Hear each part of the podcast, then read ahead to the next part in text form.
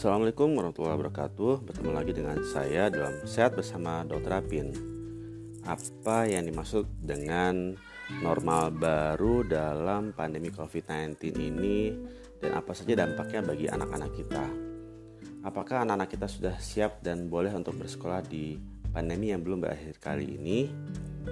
Saya akan mencoba menjelaskan dalam IG Live yang sempat berlangsung beberapa waktu lalu dengan parenttalk.id. Selamat mendengarkan.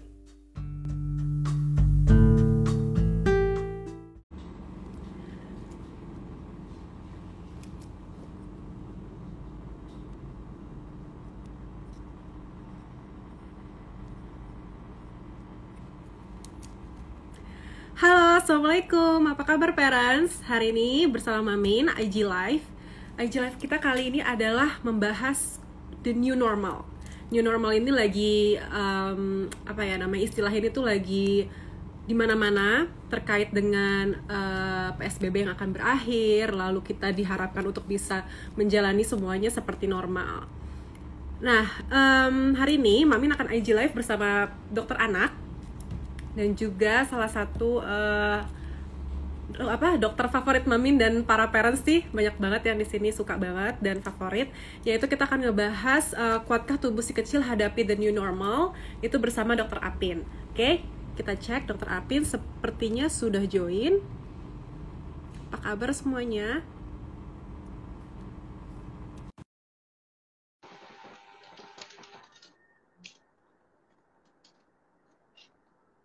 Apakah suara Mamin aman? Halo, Assalamualaikum, Dok. Waalaikumsalam warahmatullahi wabarakatuh. Sehat, Dok? Alhamdulillah. Minal Bisa panggil Mamin juga ya, Mamin ya. sehat ya? sehat, Alhamdulillah, Dok. Dok, minal aidin ya sebelumnya ya, Dok. Sama-sama, maaf batin juga.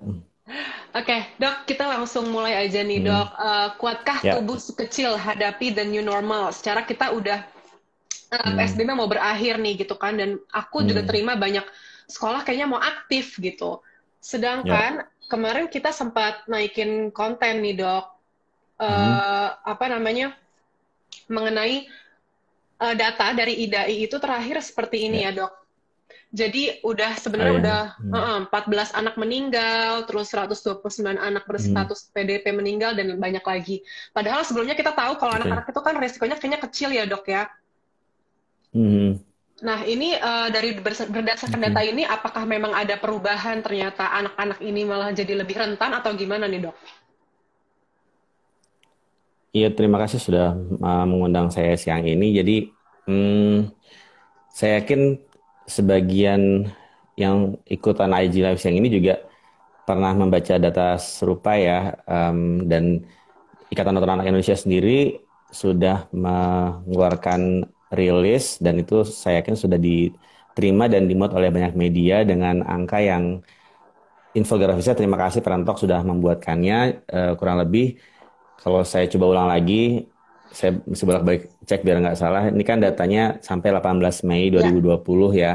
Betul. Uh, dan kita bisa melihat sendiri angka ini uh, cukup tinggi intinya adalah pelajaran yang bisa kita ambil yang pertama bahwa ternyata cukup uh, banyak anak yang terinfeksi SARS-CoV-2 ini di Indonesia. Yang kedua adalah dari sekian anak yang terinfeksi ini ternyata sebagiannya lagi mengalami uh, penyakit yang bahkan fatal bisa berakibat pada kematian. Yang ketiga adalah pelajaran bisa kita ambil agar tidak meremehkan uh, bahwa anak-anak yang memang kalau kita lihat secara umum kasus yang tampak sakit dan kemudian dirawat di rumah sakit itu tidak sebanyak orang dewasa, tapi ternyata anak-anak tetap punya risiko tertular, terinfeksi, sakit, bahkan bisa fatal. Dengan ini kita, uh, dengan pemahaman yang kita miliki saat ini, uh, tidak ada cara yang lebih baik dibandingkan dengan mencegah jangan sampai virus ini masuk ke anak-anak kita. Dan memang tindakan stay at home di rumah aja, jangan ke mana-mana, yaitu memang menjadi salah satu langkah terbaik yang bisa kita lakukan dan kita siapa lagi yang bisa melakukannya kecuali kita sebagai ya. orang tua anak-anak kan nggak bisa uh, melakukan inisiatif sendiri kita yang punya tanggung jawab dan kita harus menjaga mereka agar tidak terinfeksi dari SARS-CoV-2 ini. Nah, kalau menurut uh, pendapat dokter nih kan ya, so, sekolah Ya, udah buka gitu, tempat umum udah banyak yang buka, terutama sekolah deh nih karena untuk anak-anak gitu ya dok. Apakah kita sebagai Hmm, orang tua, ya walaupun sih ada protokol mungkin shift-shiftan atau ya, sekolahnya jamnya dibatasi dan lain-lain gitu ya. Menurut dokter ya. pribadi nih, apakah kita sebagai orang tua ya udah mengizinkan aja anak masuk tapi sesuai protokol atau di rumah aja sih dok gitu baiknya? Em, lagi-lagi saya harus mengutip pernyataan yang sudah ada gitu. Maksud saya ini bukti bahwa eh, semua itu ada panduannya. Ikatan Dokter Anak Indonesia sendiri eh, menyikapi kegiatan belajar mengajar ini di masa pandemi COVID-19 sudah eh, mengeluarkan juga anjuran dan ini sudah disebar dalam bentuk rilis resmi. Saya yakin media sudah baca, mungkin dari Parent Talk juga sudah baca. Eh, itu baru beberapa hari lalu, tanggal 30 Mei 2020, saya bacakan ya. Jadi ada lima poin gitu. Yang pertama adalah Ikatan Dokter Anak Indonesia itu mendukung dan mengapresiasi kebijakan Kementerian Pendidikan dan Kebudayaan untuk menjadikan rumah sebagai sekolah dan melibatkan peran aktif siswa, guru, dan orang tua dalam proses belajar mengajar. Poin kedua adalah IDAI menganjurkan agar kegiatan belajar mengajar tetap dilaksanakan melalui skema pembelajaran jarak jauh atau PJJ, baik secara dalam jaringan atau online maupun luar jaringan atau offline, menggunakan modul belajar dari rumah yang sudah disediakan oleh Kementerian Pendidikan dan Kebudayaan. Poin ketiga, anjuran melanjutkan PJJ atau pembelajaran jarak jauh ini akan dievaluasi secara berkala mengikuti perkembangan kasus COVID-19 di Indonesia dengan mempertimbangkan antisipasi lonjakan kasus kedua. Sebaiknya sekolah tidak dibuka setidaknya sampai bulan Desember 2020. Pembukaan kembali sekolah-sekolah dapat dipertimbangkan jika jumlah kasus COVID-19 telah menurun. Ini menurut saya poin tiga ini sangat uh, penting karena lagi-lagi harus ada dasarnya, dasar angkanya, dasar data epidemiologinya. Yang keempat adalah apabila sudah memenuhi syarat epidemiologi untuk kembali membuka sekolah, nah ini jadi masih lanjut ke poin, dari poin tiga tadi. Maka IDAI menghimbau agar semua pihak dapat bekerja sama dengan cabang-cabang IDAI sesuai dengan area yang sudah memenuhi syarat pembukaan. Perencanaan meliputi kontrol epidemi, kesiapan sistem layanan kesehatan, dan sistem surveillance kesehatan untuk mendeteksi kasus baru dan pelacakan epidemiologi. Jadi ini epidemiologi ini uh, pendataan itu uh, yang kemudian dari data itu akan diolah dan menentukan siapa itu sangat sangat penting dalam mengendalikan penyakit akibat infeksi ini. Dan yang poin terakhir adalah untuk keperluan ekstrapolasi data secara akurat, maka IDAI menyarankan agar pemerintah dan pihak swasta melakukan pemeriksaan uh, real-time PCR secara masif. Itu 30 kali lipat dari jumlah kasus konfirmasi COVID-19, termasuk juga pada kelompok anak. Jadi ini lima poin, uh, silakan dipahami satu persatu. Menurut saya poin ini sudah sangat lengkap dan bisa menjawab keresahan, kegalauan uh, sebagian orang tua atau mungkin tidak sama ya uh, kebijakan Ya. antar daerah menyikapi sekolah yang akan dibuka kembali. Begitu. Dan itu sebenarnya udah jelas ya dok ya dari poin satu sampai tiganya ya dok ya. Apa yang Iya, harus kita uh, sikapi gitu ya. betul itu sebenarnya mungkin kalau ada istilah-istilah yang agak rumit, misalnya seperti eks- ekstrapolasi data, itu yang poin terakhir itu lebih ke arah uh, bahwa namanya pemeriksaan itu sangat penting dan pemeriksaan ini dengan satu metode yang namanya uh, real time PCR. Jadi benar-benar Ya. menangkap virusnya, bukan dengan metode uh, rapid test antibody Ya. yang uh, sudah lebih dulu kita familiar di kita, Hmm. tapi ternyata metode yang akan menjadi data akurat untuk menimbang kasus itu sudah turun atau justru sebaliknya adalah data dari real time PCR. Dan ini para ahli sudah melakukannya dan saya yakin di dinas kesehatan setiap uh, wilayah provinsi masing-masing punya dinas kesehatan, mereka punya uh, bagian surveillance sendiri, mereka sudah melakukan hal tersebut. Oke dok, ini ada pertanyaan sih. Aku juga penasaran ya dok. Eh, keputusan Ya, pembuka pembukaan sekolah ini itu melibatkan pertimbangan dari IDAI atau enggak sih dok gitu? ini saya nggak tahu jawabannya. Saya nggak tahu jawabannya. Karena uh, setahu saya ini kan, ya kalau ini dalam pengamatan saya sehari-hari, em, sebenarnya kan apa sih istilahnya tuh ke- keputusan resmi ya. ya, nasional kan belum ada ya. Saya Hmm, sendiri, artinya anak-anak saya tiga-tiganya sekolah juga sampai saat ini kebetulan tinggal di DKI Jakarta dari dinas pendidikan DKI-nya belum dapat eh, kepastian. Begitu juga dari Oke. saya setahu dari Kemen- Kemendikbudnya juga juga pusat juga belum ada. Jadi eh, ya kami sih di DKI masih belum Masih akan belum. segera mulai pendidikan gitu. Nggak tahu kalau di daerah lain. Jadi jawaban ini mungkin akan sangat beragam dari satu daerah ke daerah lainnya. Mungkin akan seperti itu. Baik dok, kalau kita ngomongin uh, pencegahan vaksin nih dok, Ya. kan vaksinnya so far Mhm. belum ada nih ya dok ya, masih dalam banyak Betul, penelitian ya dok.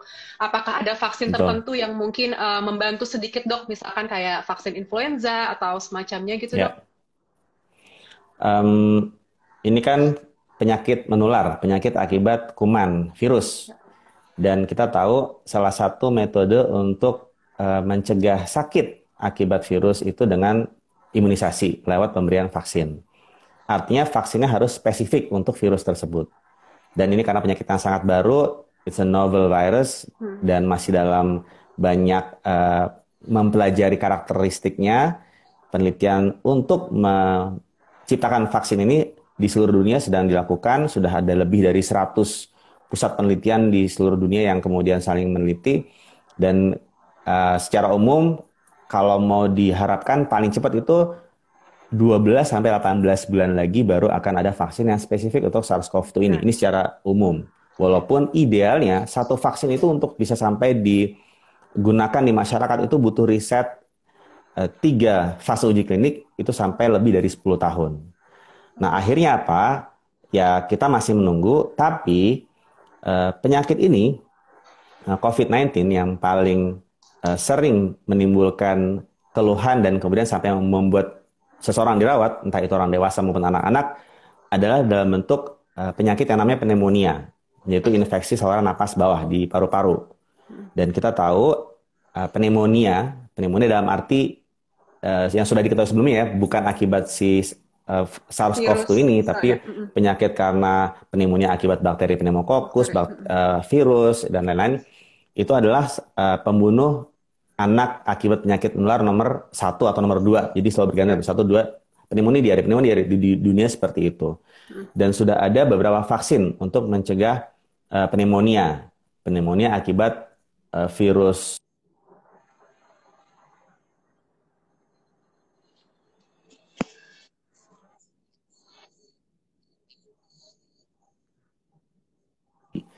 pneumonia akibat bakteri Haemophilus influenza B ada vaksin eh, HIP eh, dalam bentuk kom- kombinasi DPT combo HIP dan eh, pneumonia akibat virus campak sudah ada vaksinnya vaksin campak dalam bentuk MR atau MMR.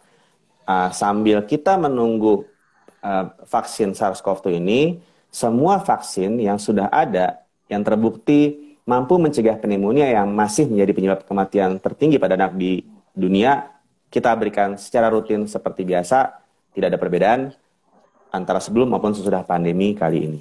Itu maksudnya. Oke dok, jadi eh, setidaknya itu usaha kita ya lewat vaksin ya dok ya. Ya, Kalau eh, usaha kita kayak banyak nih dok, udah banyak dijual-jual kayak face apa face shield Hmm. yang untuk anak-anak gitu udah banyak banget tuh dok. Itu ngaruh nggak sih dok? Ah, Bahkan oke. aku lihat eh, ada sekolah di China itu udah buka, bahkan mereka belajar pakai itu gitu. Oke, em, ini adalah satu apa ya penyakit yang menimbulkan peny- kepanikan pada semua orang di seluruh dunia. Jadi Mhm. kita selalu berpikir apa, apa dan apa yang bisa kita lakukan untuk eh, mencegah masuknya virus lewat saluran napas eh, ke tubuh kita, ke tubuh anak-anak kita. Eh, penggunaan masker yang sudah jelas, kemudian ada juga menggunakan face shield. Dari panduan yang ada, sebenarnya untuk eh, anak di bawah 2 tahun, dari bayi baru lahir sampai umur 2 tahun, itu tidak dianjurkan eh, penggunaan masker. Kenapa? Eh, yang pertama Ya. adalah eh, Mas khawatir menghalangi keluar masuknya oksigen ke saluran napas. Yang kedua adalah saluran napas bayi dan anak di bawah 2 tahun itu masih kecil dan itu eh, apa sangat beragam.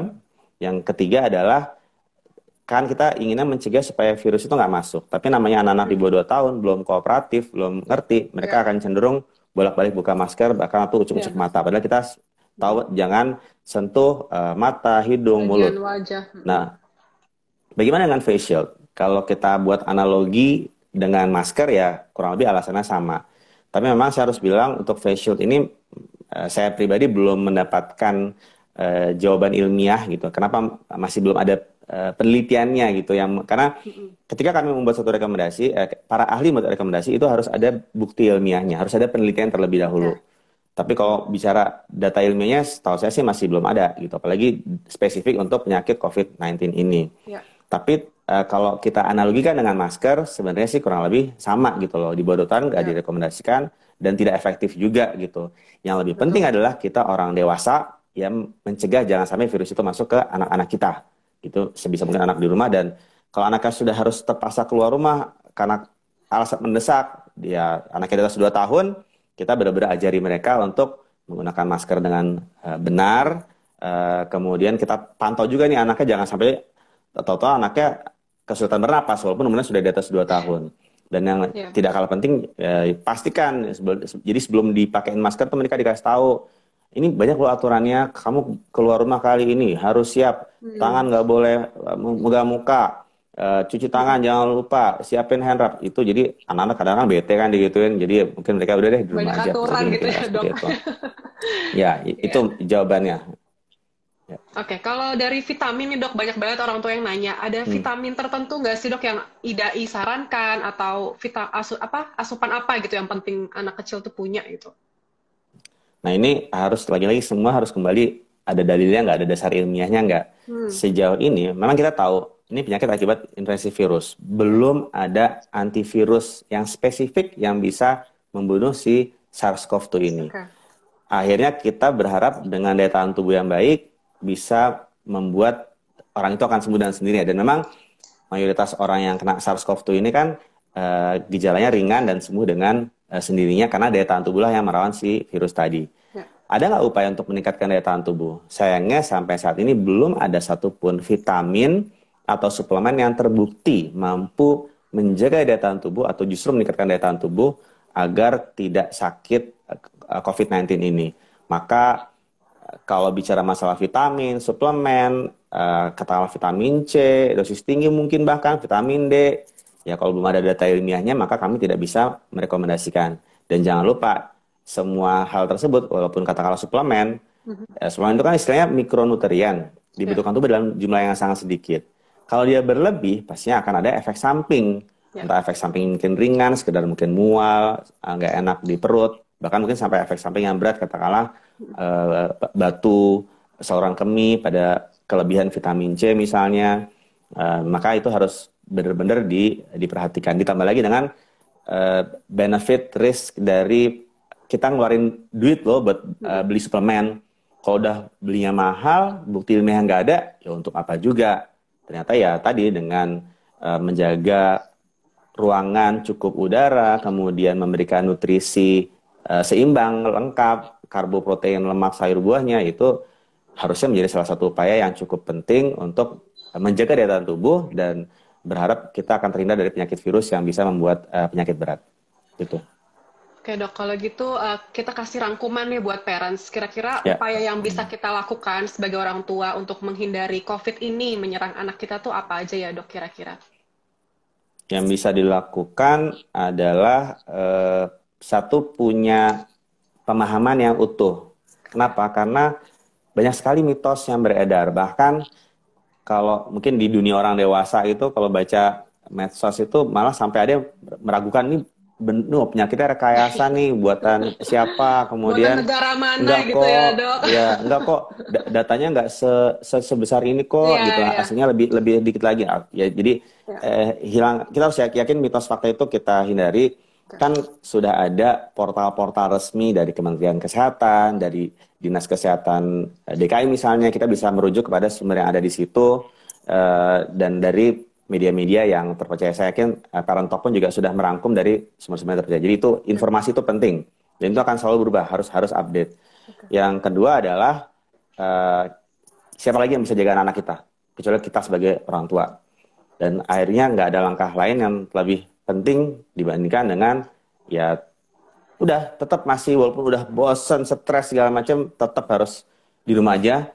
Dan mungkin istilahnya new normal itu apa ya? Ya dia kebias eh, new normal itu adalah terpaksa membiasakan diri untuk tidak menerima kunjungan orang ke rumah. Bahkan mungkin kakek neneknya kangen sekalipun ke rumah yeah. itu juga nggak bisa mudah untuk cium tangan bahkan berpelukan. Terus uh, apa ter, membiasakan untuk cuci tangan, bahkan mungkin sampai sering gitu kan. Itulah yang disebut harusnya sebagai new normal. Jadi kebiasaan-kebiasaan baik yang penting untuk menjaga kesehatan. Itu kira-kira yang bisa kita lakukan sebagai orang tua untuk melindungi anak-anak kita. Oke dok, dok terima kasih atas waktunya. Kira-kira dokter uh, ada kelas atau edukasi lain dok dari platform dokter gitu? Untuk berikutnya jadi orang ya. tua bisa ikuti nanti ini aja deh stay tune aja di apa di Toto story nanti nanti kadang-kadang suka ada dadakan Toto okay. saya ngundang siapa gitu okay, untuk dok. bicara masalah ini untuk mengedukasi banyak orang tua gitu. Oke, okay. dokter terima kasih sehat terus ya dok keluarga. Sama-sama, sama-sama sehat juga. Terima kasih atas waktunya. Ya sama-sama. Waalaikumsalam warahmatullahi wabarakatuh.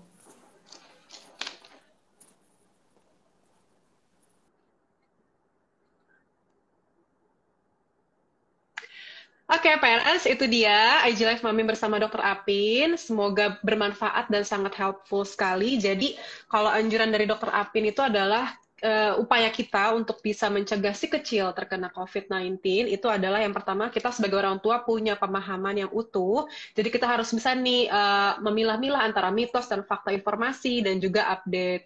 Tapi jangan sampai over ya. Nanti kalau terlalu banyak informasi yang kita terima dari sumber yang tidak jelas juga akan membuat kita stres.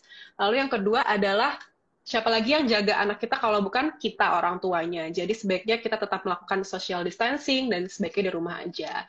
Dan jangan lupa uh, lengkapi vaksin si kecil sebisa mungkin.